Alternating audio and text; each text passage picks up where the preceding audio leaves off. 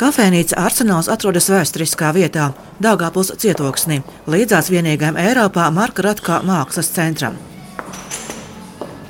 Sestdienas pusdienlaikā te vienā zālē aizņemts viens galdiņš.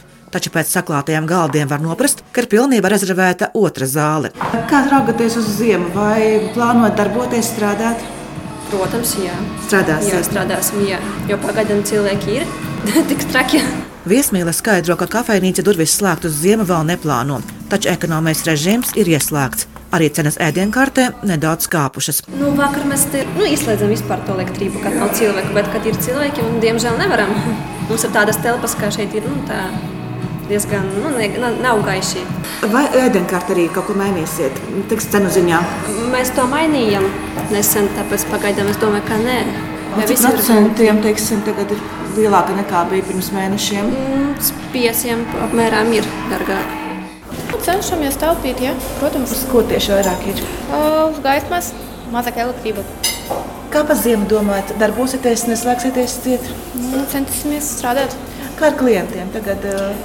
Jūtams, ka daudz mazāk nekā vasarā.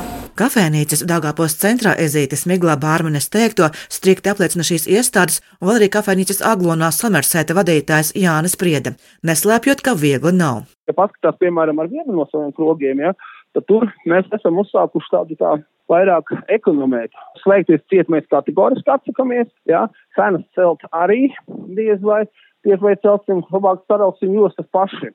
Ja. Darbinieki ir gatavi pāriet arī uz tomēr uz minimālo algu, bet lai tikai nevērtos ciet, to tas ir, mēs tiešām ekonomējam. Mēs tagad esam atraduši arī, ir daudz tādas nianses, ko vispār bārā, restorānos, ko pat cilvēki aizmirst. Piemēram, naktīs, ko var izslēgt ārā, ko tā, un, teiksim, atklāti, ja iepriekšējā mēneša rēķins, tad tas slavenie, ja bija virs 3000, tad uh, tagad ir tikai pa 1400 mazāk. Skatoties uz to, mēs esam iekonomējuši vairāk nekā 1000 kWh.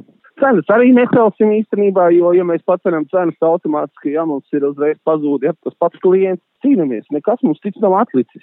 Tas ir visur. To nevaram attiecināt šajā gadījumā uz kādu noteiktu vietu vai, vai, vai reģionu vai pilsētu. To, ka ēdināšanas uzņēmumi spiesti pielāgoties smagajiem apstākļiem un mainīt darbības stratēģiju, analizējot situāciju valstī kopumā, secina arī Latvijas viesnīcu restorānu asociācijas izpildirektore Santa Graikste. Izvēlas ā, saīsināt darba laiku, izvēlas strādāt tikai noteiktas dienas nedēļā vai izslēgt gaismu tad, kad nav, nav klienti. Nu, arī kāds energotaupības ā, pasākumus ā, līdz ar energoresursu cenu kāpumu. Protams, neapšaubām ir paaugstinājušās cenas arī produktiem, izēvielām, ā, arī darba spēkam ir jāpalielina atalgojums, ā, un tāpēc tiešām ir ļoti svarīgi izvēlēties ā, pareizu cenu politiku. Daļa kafejnīcu tomēr durvis jau ir slēgušas ciet.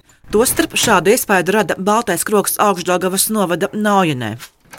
Jau Covid dīkstāves laikā daudz Latvijas ēdināšanas uzņēmumi aizgāja no pakalpojumu sfēras. Te varētu būt pat procenti 30 provizoriski, saka Santa Graiksta. Tāpēc šobrīd strādājošie uzņēmumi ir piesardzīgi un ar šādiem lēmumiem nesteidzas. Mūsu novērojumi liecina, ka šobrīd eh, nogaida un vēro un, un gaida vēl arī tos uh, fināla lēmumus attiecībā par, eh, par atbalstu iespējām, kādi varētu būt, jo pēc diviem smagiem pandēmijas gadiem neviens negrib apturēt to darbu, nav interesēts. Cerība uzņēmumiem uz valsts atbalsta energoresursu ziņā, bet būtiski arī mazināt PVN nodokli, kā tas ir kaimiņu valstīs, un kas jau šobrīd pārvilina Latvijas īpaši pierobežas klientus uz turieni, uzsver Santa Graikste. Un tiešām es negribētu, kad ir vēl viens gads, kā tas bija arī pagājušajā gada nogalē, kad uh, daudz uzņēmumi brauc ar savus korporatīvus pasākumus un organizēja Lietuvā un, un Igaunijā, kur tajā brīdī tas notika uh, ierobežojumu dēļ, ka šajā gadā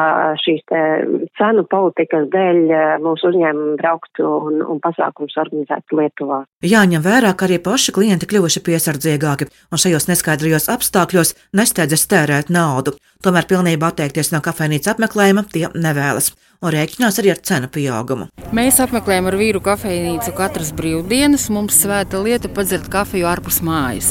Tas nenozīmē, ka mēs kaut ko ēdam, bet kafijojam un desertiņu. Un cenas mūs neietekmēs, jo tā ir vienīgā iespēja sevi kaut nedaudz iepriecināt. Kā šis smagums atsauksies uz sabiedriskās ēdināšanas nozari, rādīs jau tuvākie ziemas mēneši. Silvijas Smagra Latvijas Rādio studijā Latvijā.